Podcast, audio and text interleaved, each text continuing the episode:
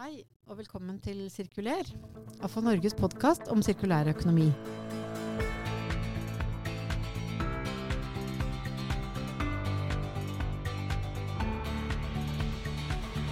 Mitt navn er Nancy Strand, og gjestene våre i dag er Tina Vågenes og Natalia Mathisen fra klyngen Norsk senter for sirkulær økonomi. Jeg starter med å bare si velkommen til dere. Tusen takk. Ja. Takk. Jeg var på vei i en lang intro, for vi skal nemlig snakke om industriell symbiose, bedre utnyttelse av organisk avfall, nye forretningsmodeller, lønnsomhet og mer, mer. Så, eh, for det er nemlig dagens spørsmål. Det er hvordan skal man få til en grønn omstilling som er lønnsom? Så det er veldig hyggelig å ha dere her. Takk.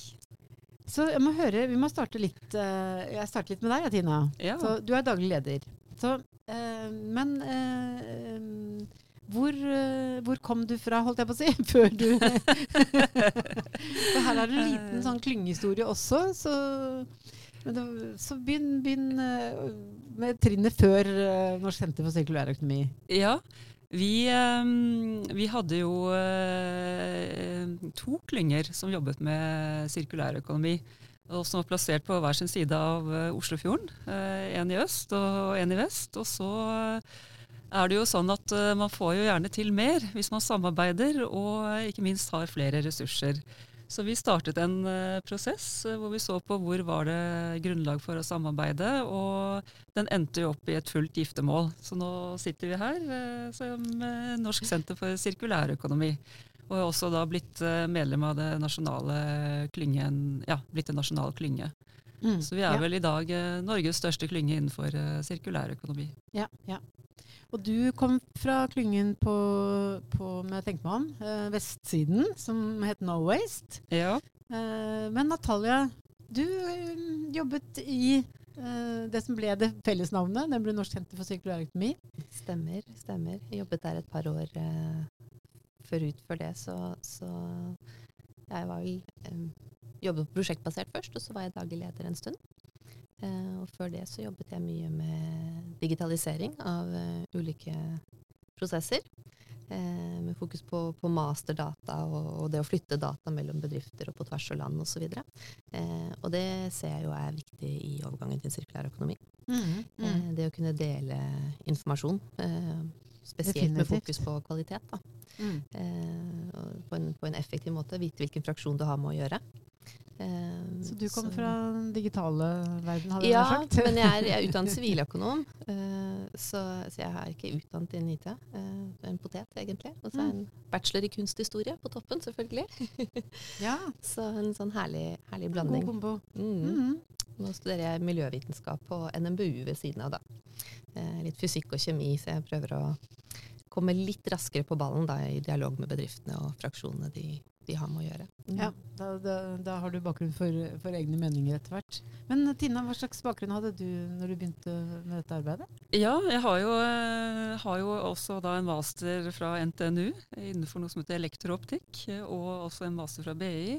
Og har jobbet i norske teknologiselskap eh, i mange år, både med utvikling av ny teknologi og med markedsutvikling internasjonalt.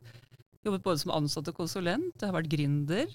Og har også jobbet eh, i et innovasjonsselskap. eh, så det var sånn det hele da endte opp med å tenke grønn innovasjon, og der vi er i, i dag, da, på sirkulær økonomi. Mm. Så jeg har en ymse bakgrunn og har eh, stor forståelse for de utfordringene som ja, både små og store selskaper har da, i forhold til Mm. både innovasjon og markedsutvikling, og spesielt når det gjelder det å omstille seg. da. Det Mm. er jo tunge prosesser. Ja, ikke sant. Det er jo utrolig god bredde å ha i, i bånn for arbeidet.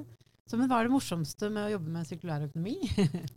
Siden dere, dere har jo hatt mange muligheter til å velge litt hva man har lyst til å jobbe med, men endte opp begge to med å jobbe Ja, for min del så er jeg jo veldig glad i å, å, å gjenbruke og effektivisere og optimalisere. Um, så jeg blir jo like glad omtrent når jeg kan gjenbruke den gamle kålen som ligger i kjøleskapet, som jeg blir når noen av medlemmene våre får uh, et par hundre tusen tonn med et eller annet ut fra deponi. det gir den samme gleden. Ja, ikke sant? Så det har liksom alltid ligget, uh, ligget der. Så for meg er det veldig naturlig å, å jobbe innenfor den bransjen. Ja. Mm. Mm. Jeg, jeg har veldig stor glede av å skape ting. Det syns jeg er veldig morsomt. Å se muligheter sammen med andre. Og ikke minst se at man greier å realisere det. Det man kanskje tenker ikke er mulig å få til. At man kanskje ser at det er mulig å, å gjøre det, og realisere det helt konkret i et produkt eller prosjekt eller en virksomhet. Så det tenker jeg har vært gjennom hele livet mest motiverende for meg. Da. Det er liksom å se at man kan realisere tanker til eh, fysiske ting. Mm. Det faktisk kan materialisere seg. Ja. Er det ikke det som er litt gøy å jobbe med, med på å si, I dag skal jeg prøve å unngå ordet avfall, men jobbe med ressurser. Da, fysiske eh, materialer. Fordi det, det, er noe som materialiserer seg. Det er ut av konsepter og inn i noe fysisk virkelig. Så, men altså, det må sies, da, i det øyeblikket vi Nå sitter vi nemlig i AFA Norges lokaler. Um, og det første Natalia sier idet hun kommer inn av døren, er jo 'Å, de stolene, de har jeg vært med på'. Det stemmer det. det ja. Ja, ja, det er jo et uh, oppstartsfirma, GoGood, Go Good, eh, som bl.a.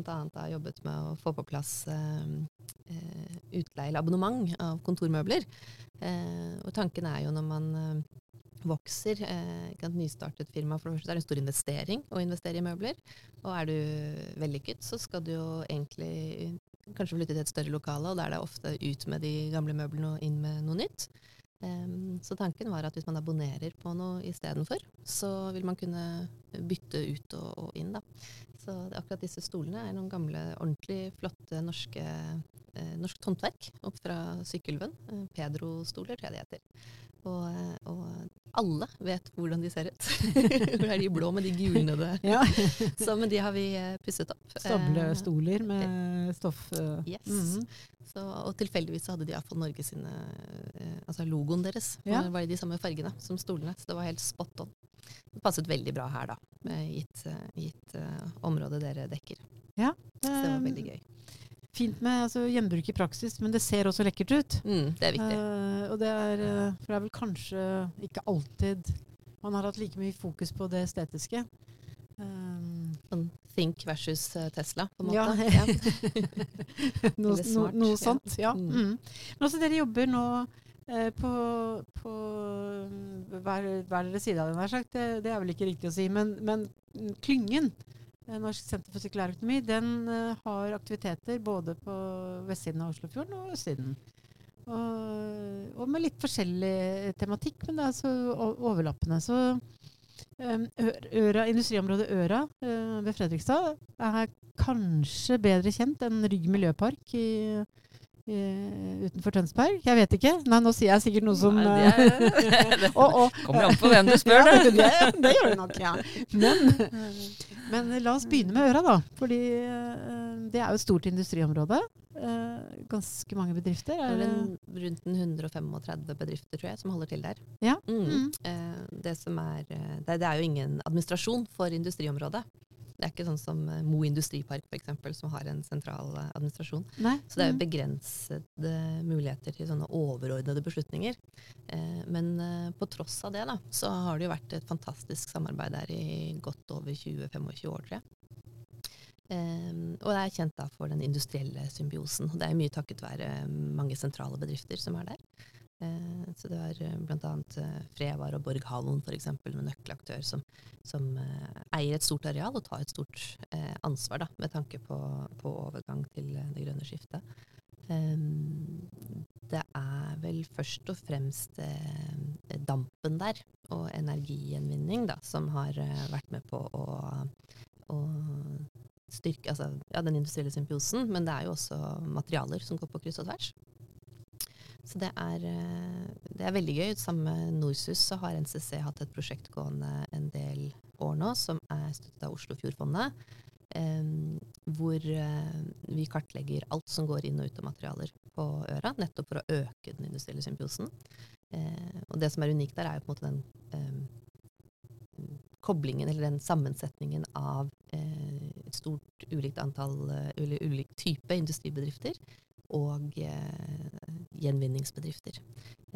Så det er vel rundt en 500 000 tonn med side- og avfallsstrømmer eh, fra mm, industribedriftene, og sånn cirka tilsvarende fra gjenvinningsbedriftene. Og da får man masse, masse spennende som skjer, da. Mhm. Mm. Så, så her har man bygget opp både, både eh, nettverk og, og, og tillit mellom bedriftene. Så man kan eh, Du snakket jo litt om data, datadeling her. Altså Jeg skulle likt å si at det er, vi jobber nå med å, å se på mulighetene for å få til en sånn Energi er jo veldig i vinden. det har det jo alltid vært, holdt jeg på å si. da, Men eh, eh, vite, vite, hvilken type energi som går hvor. Eh, så det er jo et energinettverk der ute hvor de samarbeider. Jeg skulle gjerne likt å si at alt er heldigitalisert. Eh, det er det på ingen måte ikke. Det er god gammeldags som du sier, tillit og, og samarbeid og, og, dialog da, mellom bedriftene. Men som gjør at, at, man får veldig høy utnyttelse av, av, energien der. Og det er mye spennende som skjer der ute nå, med alle, all the buzzwords, holdt jeg på å si. Du har jo liksom dampen som ligger til grunn for mye, og det er elektrifisering, og det er sol, og det er hydrogen er det snakk om. Ja. Så, men det er tilliten og, og mye samarbeid. Mm, mm. Men egentlig veldig sånn artig at du har kanskje noe som drives fram av energi. Også, apropos, Vi skal snakke litt mer om lønnsomhet etterpå, nemlig. Eh, der er det jo betydelig grad av lønnsomhet på å utnytte restenergi, men at vi kan få det samme da, på materialer, men også vann har vært et tema, hvis jeg har forstått det rett? Det stemmer. Både eh, restvarme i, i uh, industrivann, men, men uh, ikke minst det at man trenger jo ikke nødvendigvis å bruke drikkevann i industriprosesser. så der er det, der, I det prosjektet som jeg nevnte tidligere, så, så kommer gjenvinning av vann og gjenbruk av vann høyt opp. Da. Så det kommer jeg absolutt til å, å gå videre med. Mm, mm. Men uh, Tina, på, på, Rygg miljøpark da, på, på, i, på Vestfold, uh, Vestfold og Telemark er det i hvert fall enn så lenge. Så, så, der er det jo Det er vel kanskje da Greve Biogass og Den magiske fabrikken som har vært uh, motoren, eller er det, er det, helheten her på alt som skjer på det området? ja, um, jeg tenker jo um, dette er et veldig godt eksempel på samarbeid mellom både private og offentlige aktører. Fordi man hadde ikke fått til det som uh, skjedde rundt den magiske fabrikken, som vi kaller biogassanlegget, da. uh, uten at uh, man hadde veldig fremoverlente politikere i Tønsberg kommune den gangen, som var på studietur i Sverige og så på hva man kunne få ut av matavfallet der, og som ville noen ting. Og, og som da har brukt sine bedrifter og samarbeid med, med private aktører som kan drifte dette her på en kommersiell måte. Så jeg tenker dette er et veldig godt eksempel på hvordan eh, jeg tror sirkulærøkonomien vil utvikle seg videre framover. Vi er helt avhengig av dette samarbeidet mellom private og offentlige aktører. Og der kommer det jo da i dag matavfall fra 1,2 millioner innbyggere rundt hele Oslofjordregionen. Og det kommer da inn husgjødsel fra regionale mm, gårder. Og sammen så blir det jo biogass, som jo kan erstatte opptil 10 millioner liter fossilt drivstoff, tror jeg mm. det er i, i dag per år. Og det er jo vel og bra, men det mest spennende som skjer, er jo nettopp utnyttelsen av avfalls- og sideproduktene. Fordi du har en biorest som blir til eh, biogjødsel og erstatter kunstgjødsel, som jo har et veldig høyt klimafotavtrykk under produksjon. Og så har du ikke minst eh, det at du kan bruke CO2-en fra, fra mm, fabrikken inn i et veksthus sammen med andre side avfallsstrømmer fra mm, anlegget til å dyrke ny klimavennlig mat. Og det tenker jeg er stort eh, pluss, eh, og er også da faktisk nå kommersielt lønnsomt. Eh, har mm. man greid å få det til. Man startet med en pilot med litt støtte fra de offentlige aktørene som er involvert der, men nå ser man at er, man har et spin-off-selskap som skal drive dette kommersielt, som samarbeider med Norgesgruppen for å etablere mye større veksthus enn det som er der i dag. Mm, mm. Så det, er, så det syns jeg er spennende, og ser at det er flere nå eh, type bioparker som kommer opp eh, rundt omkring, på Voss bl.a. Ja, mm, ikke sant.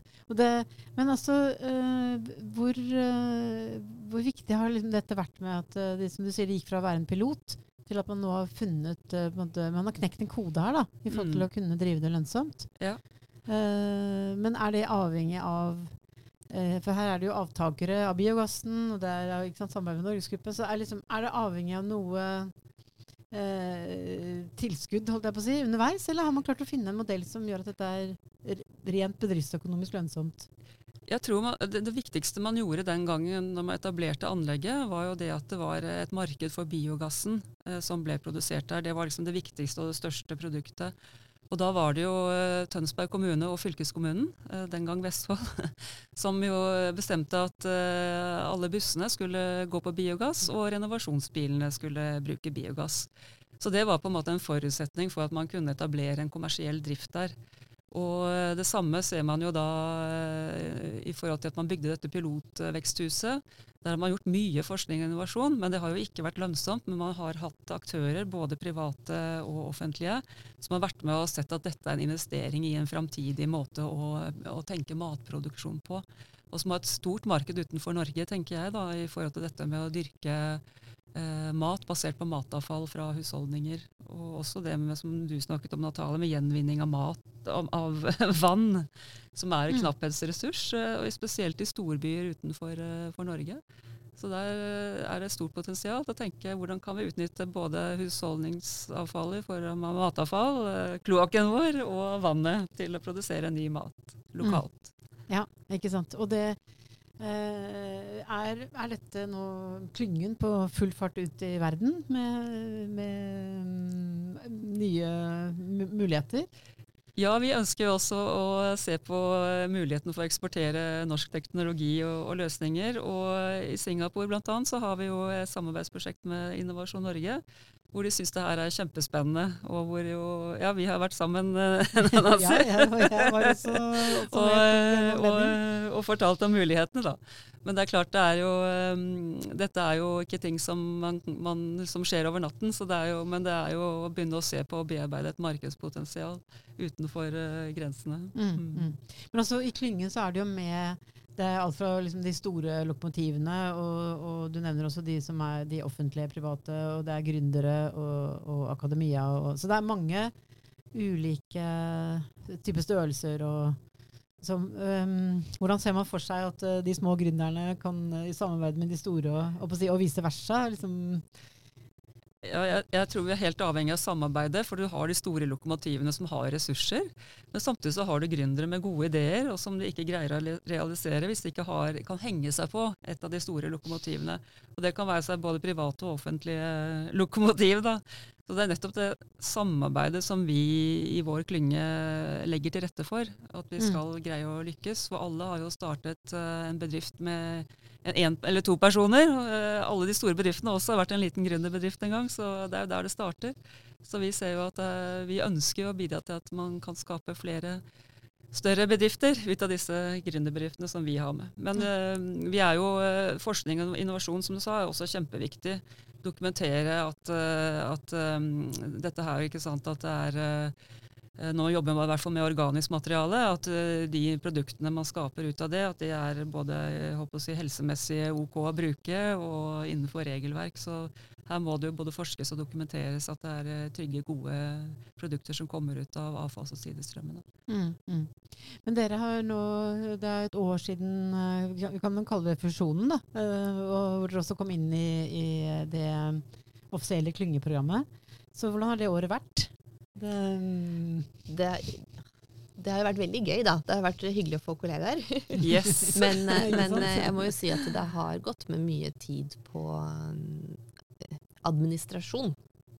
Det, det må være ærlig på. At, at, vi, men vi begynner å få tempoet litt opp nå. Det er nye vedtekter, nytt styre, nytt regnskapssystem. Og det, vi er jo fortsatt såpass små at du kan ikke sette et nytt regnskapssystem bort til regnskapsavdelingen. du har ikke en avdeling å peke på? eller kommunikasjonsavdelingen, eller Ja, ikke sant. Um, så det har vært, det har vært ja, Tina har gjort en kjempe, kjempeinnsats med å, å få alt det uh, formelle på plass, og måtte jobbe frem og fått et godt styre og gjort en, en god innsats, og samarbeide fint. Eh, sånn at eh, merker nå de siste månedene så har det tempoet begynt å stige igjen, da. Når vi har kommet, eh, fått unna alt det kjedelige, men nødvendige, på en måte. Mm. Mm. Mm. Samtidig så må jeg jo si at uh, det har jo kommet uh, mange spennende forespørsler. Uh, både nye medlemmer og nye prosjektforespørsler. og det er jo litt gøy å se at det begynner å bli dette med sirkulærøkonomi begynner å komme opp i bevisstheten til flere og flere både selskap og industriparker. Så, um, så det er gøy. Og så er jeg veldig enig med Natalia at det å ha kollegaer, det å ha noen å samarbeide med, har også vært viktig for klyngen og medlemmene våre. Da, at vi Mm. har mer ressurser å, å bruke på, på prosjektene. Ja, ja. Man er også avhengig av et miljø. Altså, samarbeid er også avhengig av liksom et, eh, et sånt basismiljø som, hvor ting springer ut fra. Ja. Ja, Absolutt. det, det. Men altså, eh, et, et, eh, et interessant prosjekt, syns jeg, det har jo vært å se på noen av barrierene, bl.a. dette med bio, altså matavfall, og at man får inn en del plast. da. Eh, så der har man jo på en måte sett på både alt fra atferdsendringer og andre typer samarbeidsløsninger, forretningsmodeller, teknologier. Altså, har man klart å konkludere? Er det, er det, har vi kommet så langt at vi kan si at eh, det aller viktigste for å fjerne plasten ut av matavfallet er? Eller eh, Jeg skulle jo ønske at jeg kunne sagt ja på det, men jeg vil jo si at nei, vi har jo langt fra konkludert med hva, hva som er uh, riktig. Men jeg ser på, det, som jo er tanken, er jo at uh, man ønsker jo renest mulig avfallsstrømmer, da, hvis vi kan kalle det for avfallsstrømmer. og, og da er det jo sånn at uh, hvis man kunne greie å utnytte det, disse avfallsstrømmene optimalt, så uh, er det jo fint om man kan sortere. Sånn som vi har gjort i husholdninger, i hvert fall stort sett over hele Norge nå. da, At man kan sortere ma matavfallet, ta bort plasten f.eks. i mat- og drikkeemballasje på et tidlig stadie. For da får man jo utnyttet uh, matavfallet på en mye bedre måte. og Man slipper jo at mikroplast forplanter seg ut, eller at man må bruke dyre, dyre prosesser for å fjerne det i etterkant.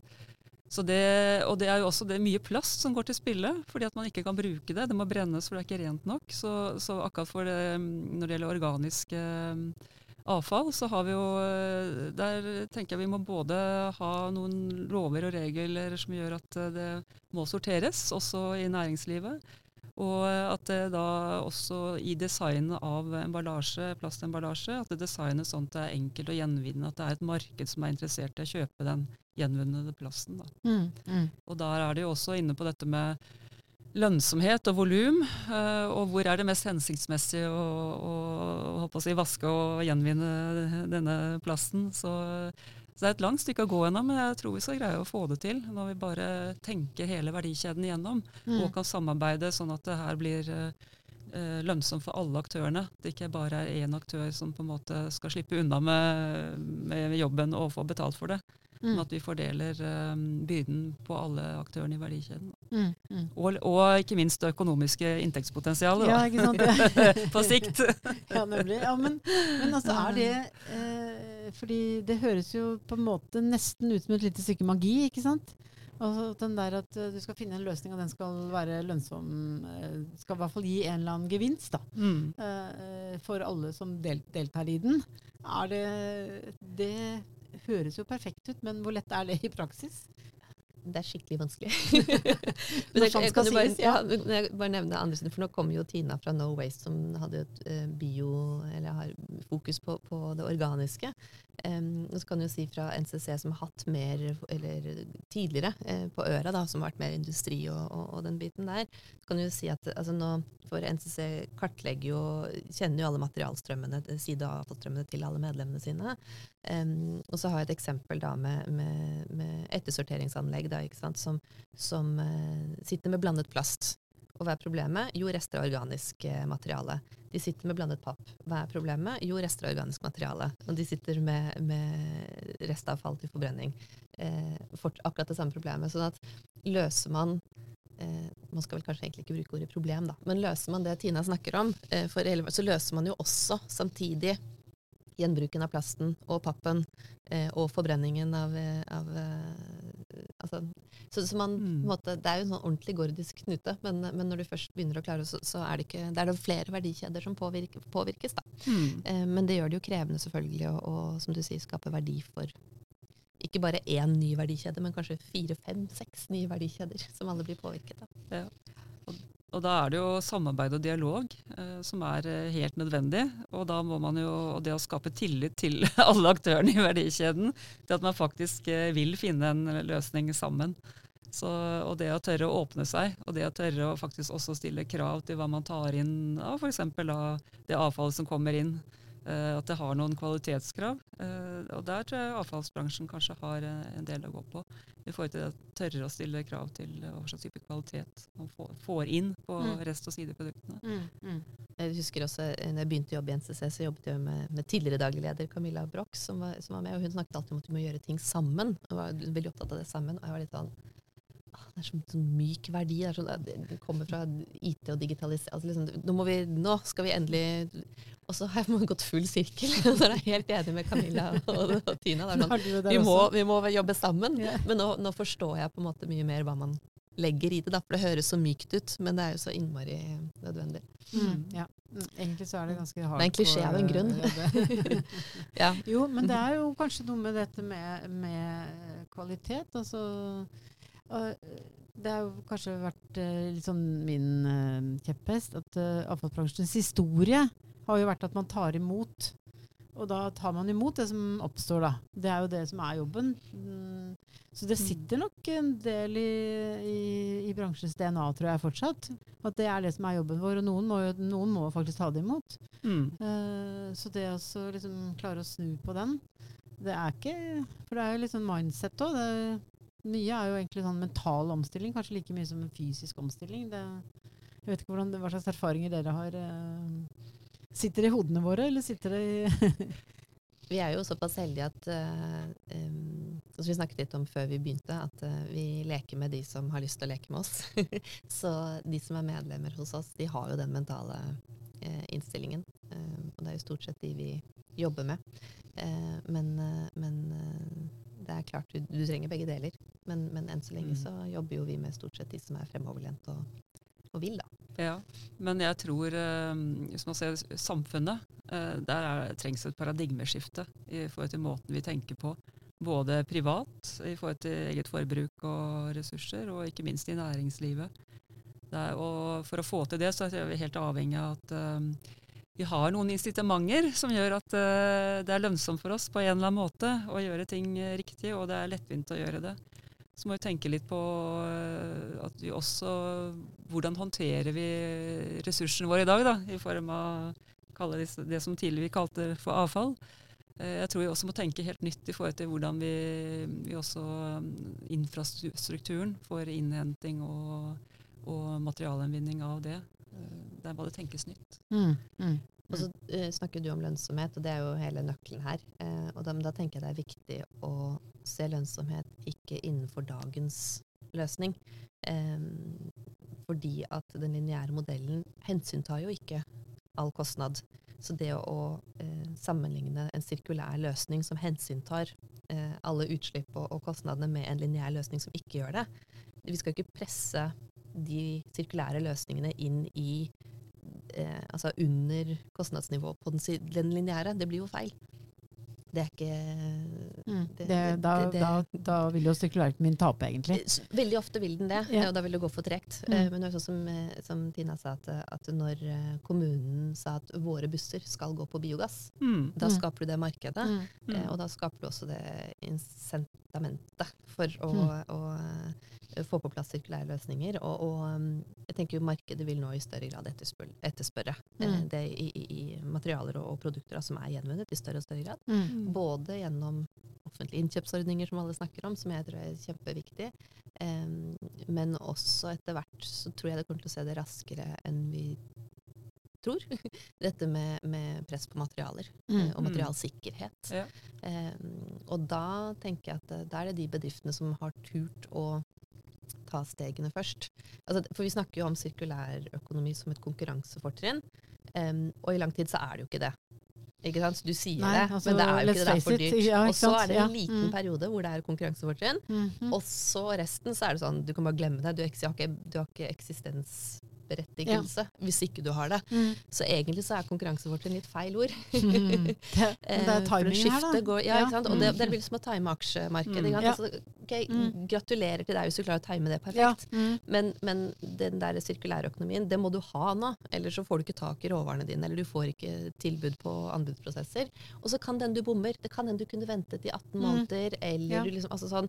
Men du må over, og så er det bare spørsmål om du vil eh, Ja, ja. kanskje kaste Mm. bort noen, eller Ja, Altså, Ja. Kan vi komme i en situasjon hvor man på en måte faktisk må sikre seg avtaler om resirkulert materiale? fordi man får, Det kommer jo krav om det. altså Det blir jo en regulering også.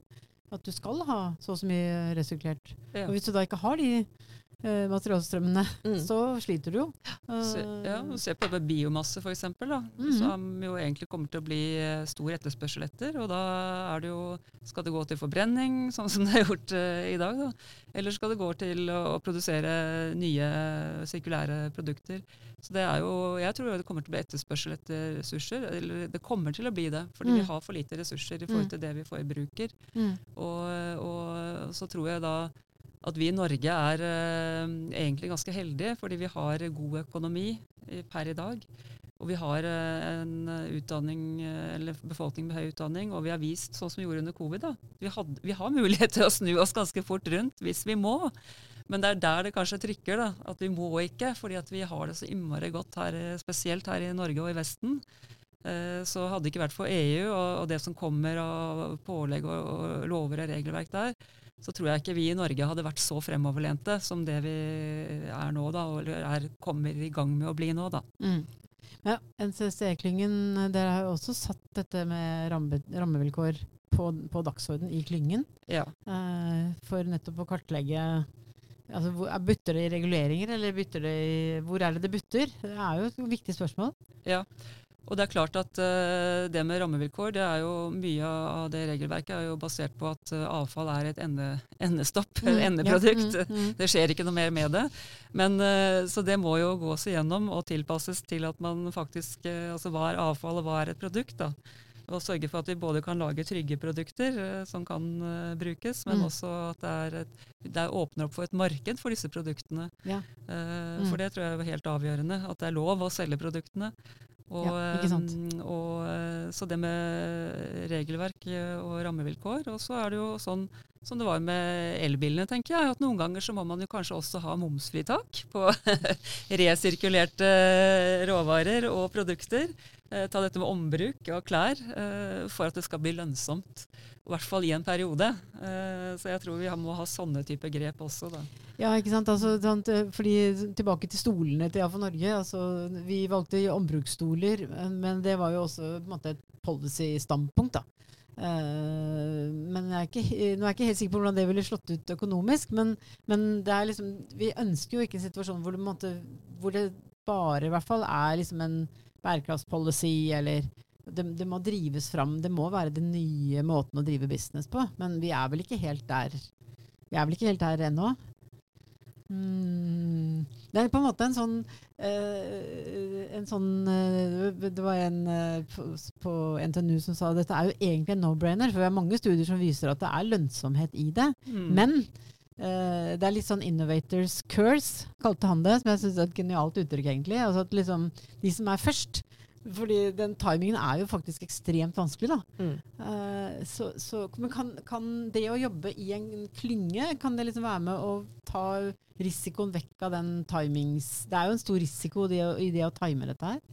Vi har jo eh, absolutt, og- det vi også sier til, eh, til medlemmene våre, er jo litt sånn Eller hvis, hvis du skal i gang da, med å, å samarbeide med noen, hvem er det de, de stort sett velger? Velger de de som uh, sier at vi finner ut av dette sammen, eller velger de som har testet dette her i fem-ti år, som, som har erfaringen?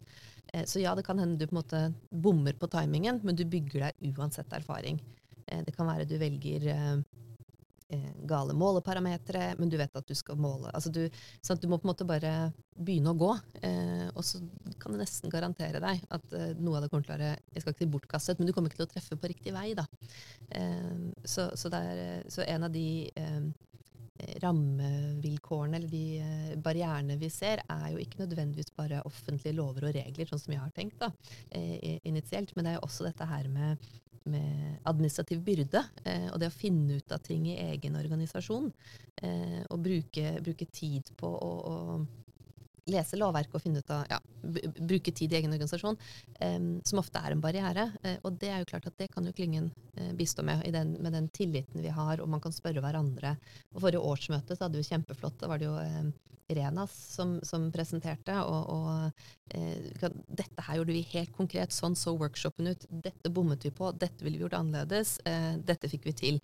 Så omtrent bare plug and play for neste bedrift å gjøre, gjøre det samme. Og når man får til den gode eh, dialogen internt i, i, eh, i, klyngen, så får de jo et fortrinn. Og de, man minimerer den administrative byrden og kommer mm. raskere i gang. Da. Ja, mm. ja, en sånn felles uh, fra feil til læring. Uh, mm. feil, feil, fortere, er ikke, altså, ja. Den, ja. Erfaringsdeling på godt og vondt. Ja, ja, at man ikke bare deler i 'å, vi har gjort det kjempebra', men også de, den tunge veien kanskje fram til at man endte opp med noe bra.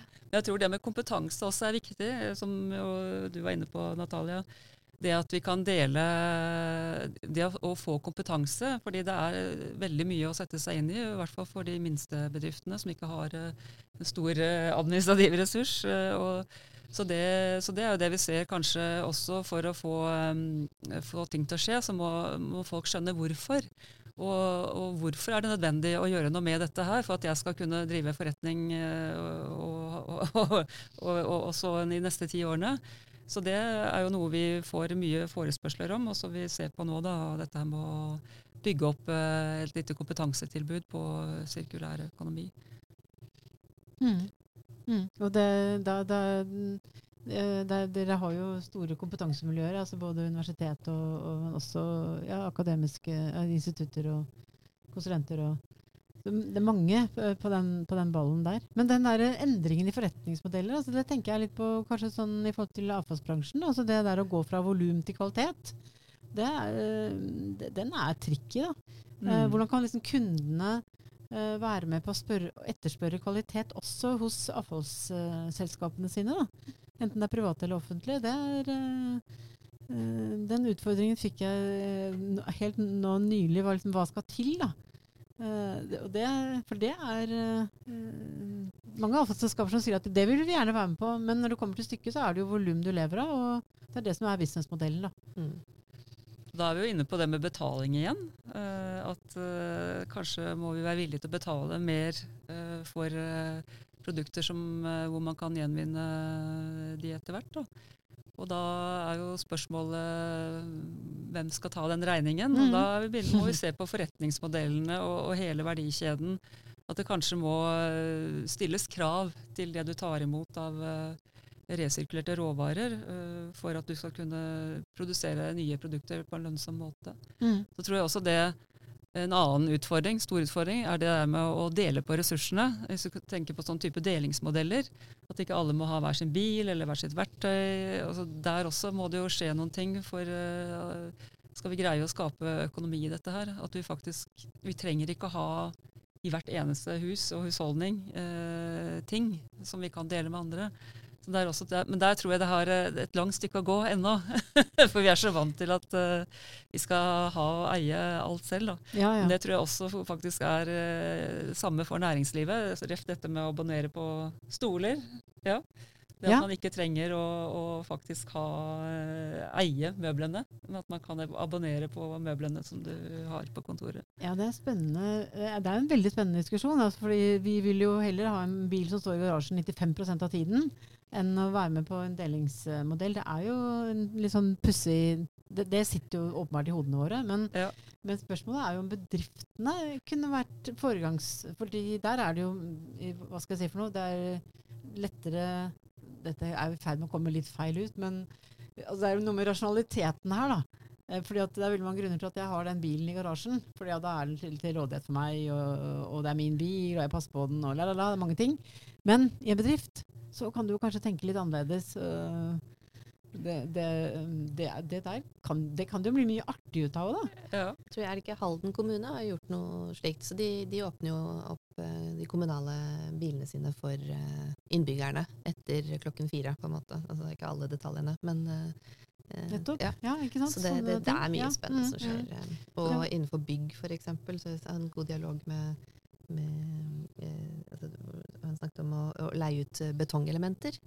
Altså du leier de i 60 år når du står i det bygget, og når eh, bygget skal plukkes fra hverandre, så, så leverer du dem tilbake Ja, igjen. ikke sant. Så det, det, Ja, det er jo da snakker vi. Ja, da snakker vi. Ja.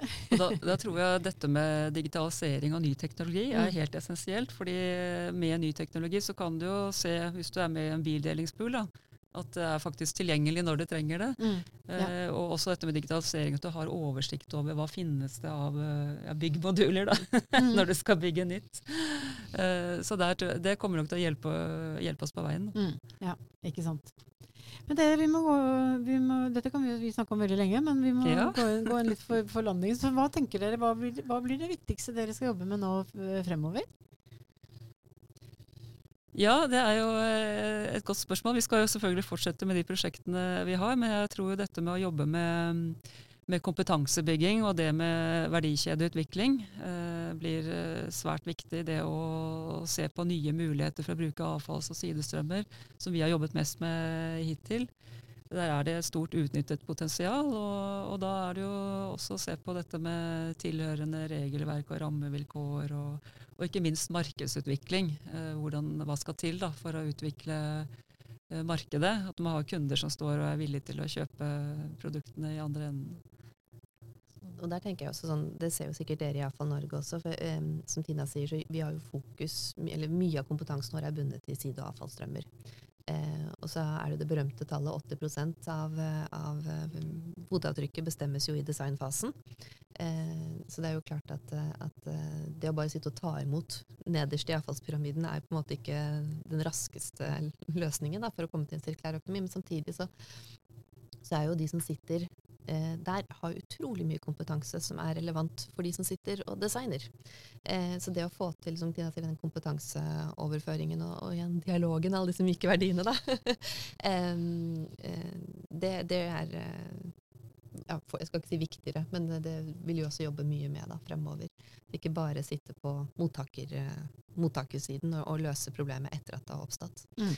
Uh, mm. Mm. Og så eh, det blir litt på siden av saken, kanskje, men, men det at eh, jeg syns det er veldig viktig at de produktene man utvikler, eh, faktisk At man kanskje er mer kritisk til dem. da. At det ikke bare sånn Å, nå kan vi gjenvinne et produkt, også, men, eh, men har vi egentlig behov for det nye produktet? Altså Selv om det er laget av noe gjenvunnet. Der tror jeg kanskje Jeg har ikke noe godt eksempel på noen industriell skala, men det er viktig å se på Da. at Bare fordi det er gjenvunnet, betyr ikke at det har livets Mm. rett. da. Ja, Mm. Ja. sirkulærøkonomi 2.0, eh, på en måte vil jeg si. Mm. At uh, vi, vi, vi skal videre på den mm, stigen der. Ja. Mm. Du, hva du putter inn skal ha kvalitet, og det som kommer ut skal ha kvalitet. ja. Og levetid. Uansett. Og det er fra sirkulærøkonomi én gang, eller fra, liksom, fra én Mm. sirkel til mange sirkler. Mm. Så det er ikke bare om å gjøre å bruke de resirkulerte råvarene, men vi skal inn i en ny sirkel liksom, og så Mm. videre. Ja, der, der er det. Du, det blir masse spennende å jobbe med fremover. Så, så Tina og Natalia, tusen takk for at dere kommer til AFA Norges podkast. Takk for at vi kom med. Ja, tusen takk. Så da gjenstår det bare for meg å si tusen takk til vår produsent Håkon Bratland, og takk til alle dere som har hørt på. Vi høres snart igjen. Ha det bra!